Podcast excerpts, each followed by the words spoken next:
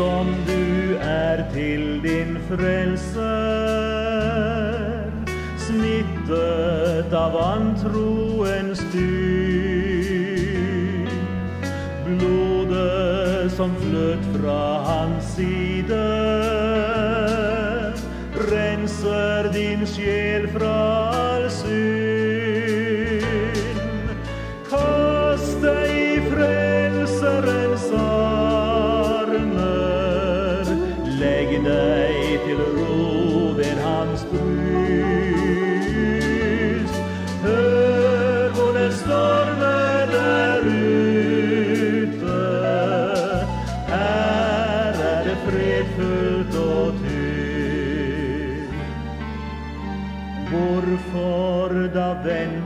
vente så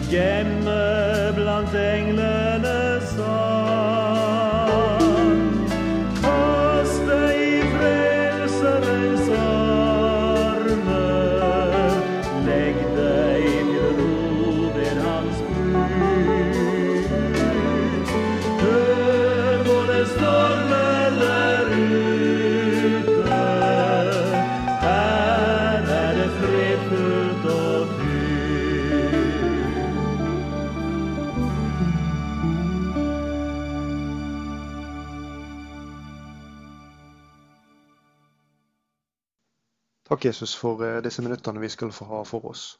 Takk, Herre, for at du vil møte oss i ordet ditt.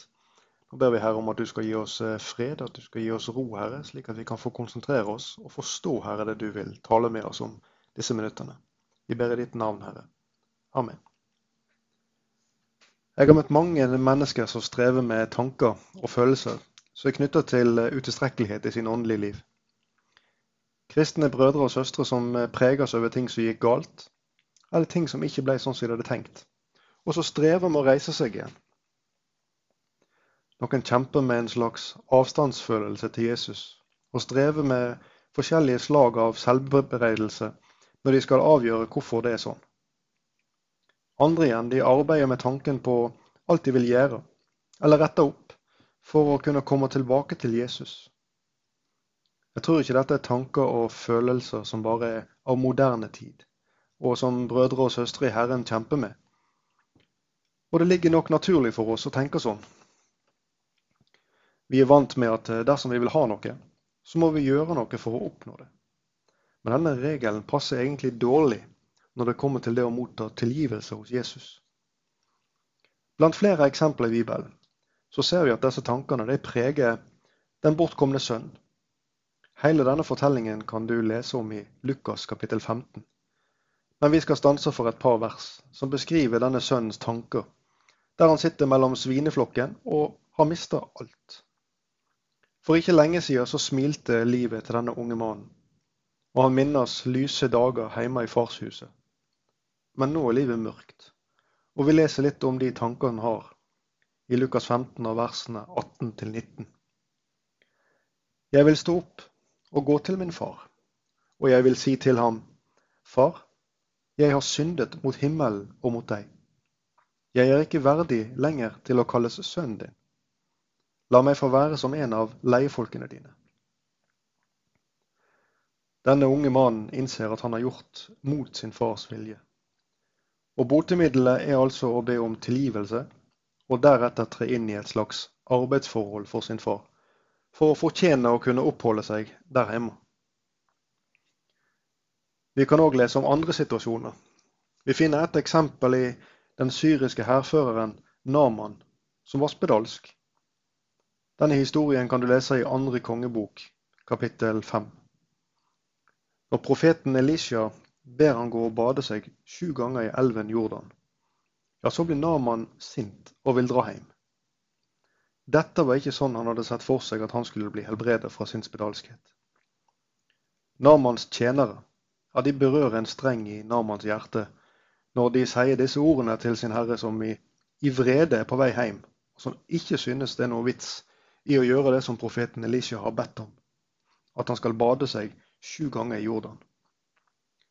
Vi leser tjenernes ord til Naman i andre kongebok, kapittel 5 og vers 13. Men tjenerne hans trådte fram og talte til ham og sa, Min far, Dersom profeten hadde bedt deg gjøre noe vanskelig, ville du da ikke gjort det? Hvor mye mer når han bare sier til deg, bad deg, så skal du bli ren?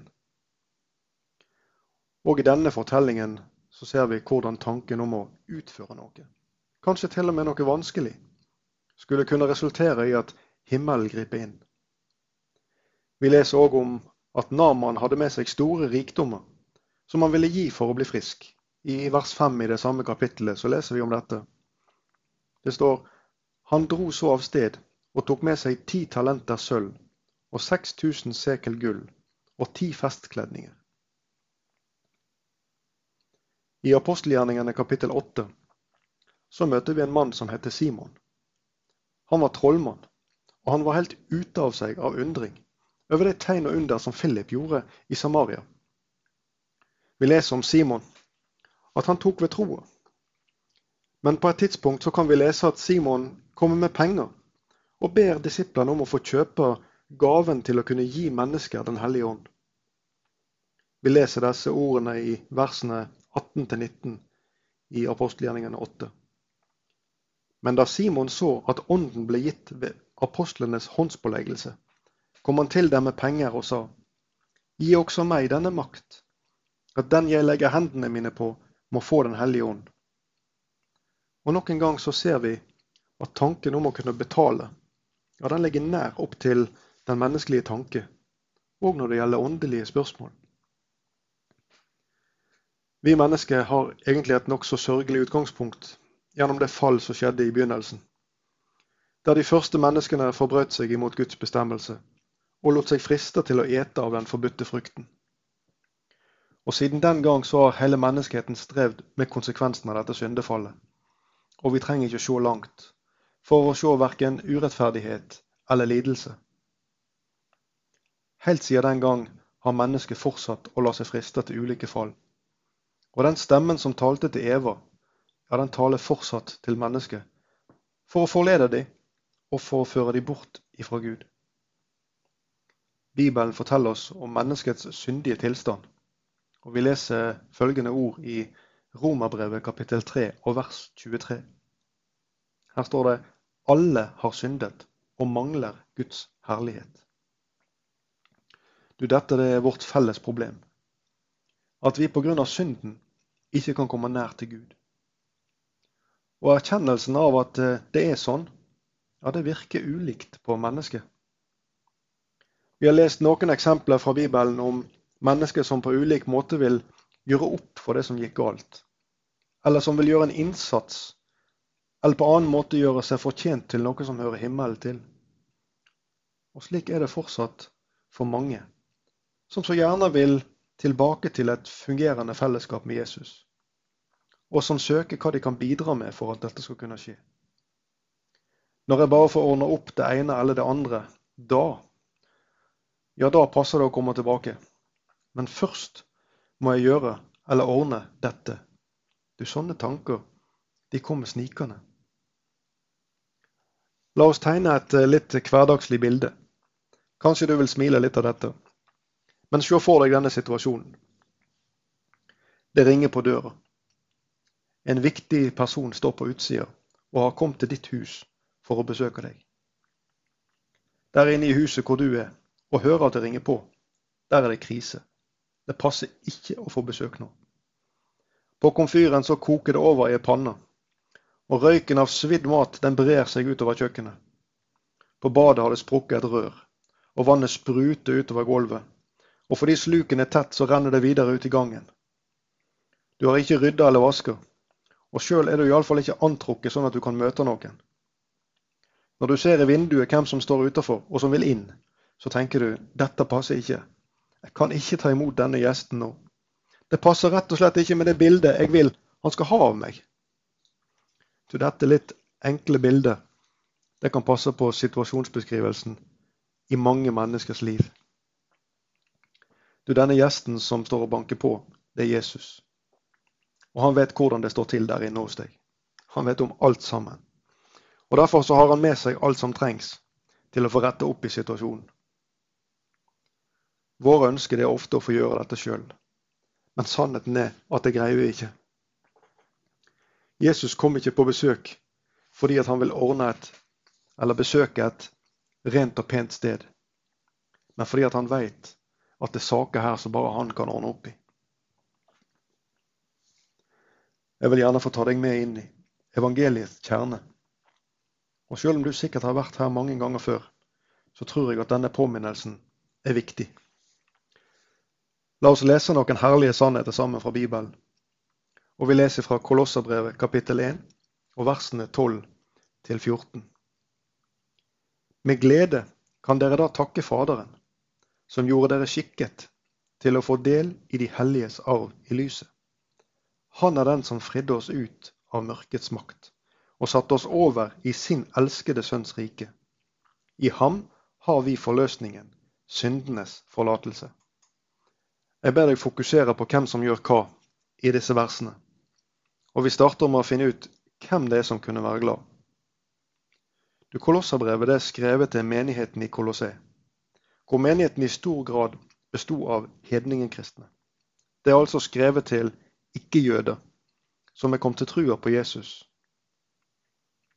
Brevet er altså på samme måte gyldig til deg i dag.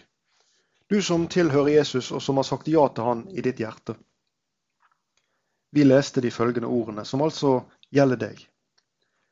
Med glede kan dere da takke Faderen. Så leser vi litt videre og tar med oss grunnlaget for denne gleden, og for at du kan takke Faderen. Faderen gjorde dere skikket til å få del i de helliges arv i lyset. Du hør på dette. Gud gjorde deg altså skikka til å få del i de helliges arv i lyset. Vi spoler litt tilbake og tenker litt på de situasjonene vi har lest om. Både om denne sønnen som synder mot sin far, og om de andre som ville kjøpe noe som hører himmelen til. Eller til den situasjonen i det bildet som jeg ville tegne for deg. Din skikkethet til å være et Guds barn, ja, din arvedel i det himmelske riket, den ligger ikke hos deg sjøl. Og du vil aldri, uansett hvor mye du arbeider, eller hvor mye du vil betale, kunne bli skikka til dette. Du, din skikkethet, den er et gudsverk, og ingenting mindre enn det. Og med dette utgangspunktet så er det enklere å forstå at eget strev med å rette på livet sånn at det på et vis kommer nærmere opp mot de verdier som Gud krever av oss for at vi skal være hellige, ja, de nytter rett og slett ikke. Uansett innsats så kommer vi ikke i mål med dette. Og takk og pris, Gud har derfor ordna dette helt uten din og min innsats. Men han har gjort enda mer. Vi leste videre, og vi leste disse ordene. Han er den som fridde oss ut av mørkets makt og satte oss over i sin elskede sønns rike. Husker du de ordene som vi leste fra Romerne 3.23? La oss repetere. Alle har syndet og mangler Guds herlighet. Du, Denne situasjonen den står i sterk kontrast til det vi har lest om her. For vi leste at Gud fridde oss ut av mørkets makt og satte oss over i sin elskede sønns rike. Syndens konsekvens den bandt mennesket til mørkets makt. Og djevelen han vil stadig minne oss om vår uskikkethet. Og han trenger bare å peke på ting i livene våre, og vi må erkjenne at han har rett i sine anklager. Men han har ikke rett når han konkluderer og minner om at du pga. din syndige natur er uskikker og ikke kan være en rett kristen. Vi leste ifra Bibelen at Gud fridde deg ut av mørkets makt. Og i møte med djevelen og hans anklager, ja, så kan du vise til disse versene. Gud har satt deg over ifra situasjonen hvor du var bundet av mørkets makt. Og nå så er situasjonen den at du er satt over i Jesu himmelske rike. Dette er vanskelig å forstå, eller å gripe helt, for det strider mot vår natur. Vi er vant til å yte for å motta. Og det sitter noen ganger langt inne å skille dette prinsippet ifra også disse spørsmål. Men det er sant, og det skjedde for lenge siden. Vi leste disse ordene som var skrevet i fortid. Legg nøye merke til dette. Han fridde oss ut og satte oss over i sin elskede sønns rike. Tidsangivelsen i det vi leste her, er viktig. Og det er et nyttig redskap i møte med djevelen sine anklager. Den siste delen vi leste sammen, har òg en sånn tidsangivelse som er veldig viktig å huske på. Og vi skal gjenta denne delen. I ham har vi forløsningen, syndenes forlatelse. Fikk du det med deg? I ham har vi forløsningen, syndenes forlatelse. Du, disse ordene, disse herlige ordene, de er skrevet i presens, eller i nåtid. Og de gjelder hver dag, og de gjelder akkurat nå. Hvis vi oppsummerer, så blei du ved trua på Jesus gjort skikka og løst ifra mørkets makt. Og du har syndenes forlatelse hver dag og hvert øyeblikk ved den samme tro. Halleluja. Trygve Bjerkreim han skrev sangen 'Du kan komme til Jesus'. Han skrev den i 1964. Og det tredje verset i denne flotte sangen synes jeg passer fint inn her i det vi taler om. Og jeg siterer dette verset. Du får komme til Jesus når gale det gikk. Du får komme for tusende gang. Han vil reise deg opp. Han vil glede deg igjen. Han vil fylle ditt hjerte med sang. Ikke bare én gang eller ti, men for tusende gang når det gikk galt. Ja, da kan du komme til Jesus. Og Bjerkreim han beskriver helt bibeltro hva som da skjer i dette verset som vi leste i de to siste setningene. Han vil reise deg opp, han vil glede deg igjen. Han vil fylle ditt hjerte med sang. I Jesus så har du forløsningen. Du har syndenes forlatelse. Og Gud har, på grunn av Jesus stedfortredende offer for din synd, gjort deg skikker for himmelen og har tatt deg ut av mørkets makt.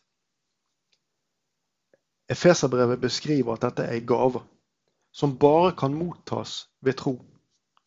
Vi leser i Efeserbrevet kapittel 2 vers 8. For av nåde er dere frelst ved tro. Og dette er ikke av dere selv, det er Guds gave. Den bortkomne sønn hadde gjort masse galt. Han hadde sløst bort arven sin i et liv som var helt på kollisjonskurs med sin fars verdier. Likevel så møter faren han. Ja, vi leser at han så denne sønnen mens han ennå var langt borte. Og han løp han i møte. Han falt han om halsen og kysset ham igjen og igjen. Ikke etter at han var kommet hjem. Ikke etter at bekjennelsen eller etter en god dusj men sånn som han var. Naman sin spedalskhet, den ble tatt bort ved troens handling. Du Naman gikk til sist bort og bada seg i tro. Syv ganger så dykka han seg under i Jordans vann. Og når han kom opp den sjuende gangen, ja, da var han helt fri fra sin spedalskhet. Din tro, den renser sånn. Din tro på Jesus, den tar bort alt som stenger deg ute fra Guds himmel, og gjør deg skikka for himlenes rike og tilgitt. Og sånn som faren til den bortkomne sønn, så møter også Jesus deg med åpne armer, uten bebreidelse og bare med kjærlig tilgivelse. Og han gir deg en ny kledning i bytte for den som du har tilgriset. Jesper Krogedal han skrev sangen 'Hvor stort min Gud at jeg ditt barn får være'. Han skrev denne sangen i 1946. Og ei sentral strofe i denne sangen den skal vi ta med oss mot slutten her, og den lyder slik. Det alt er ferdig, jeg skal ikke gjøre, men bare hvile i det du har sagt. Du slik er Jesus, og slik kan du motta sann glede. Amen.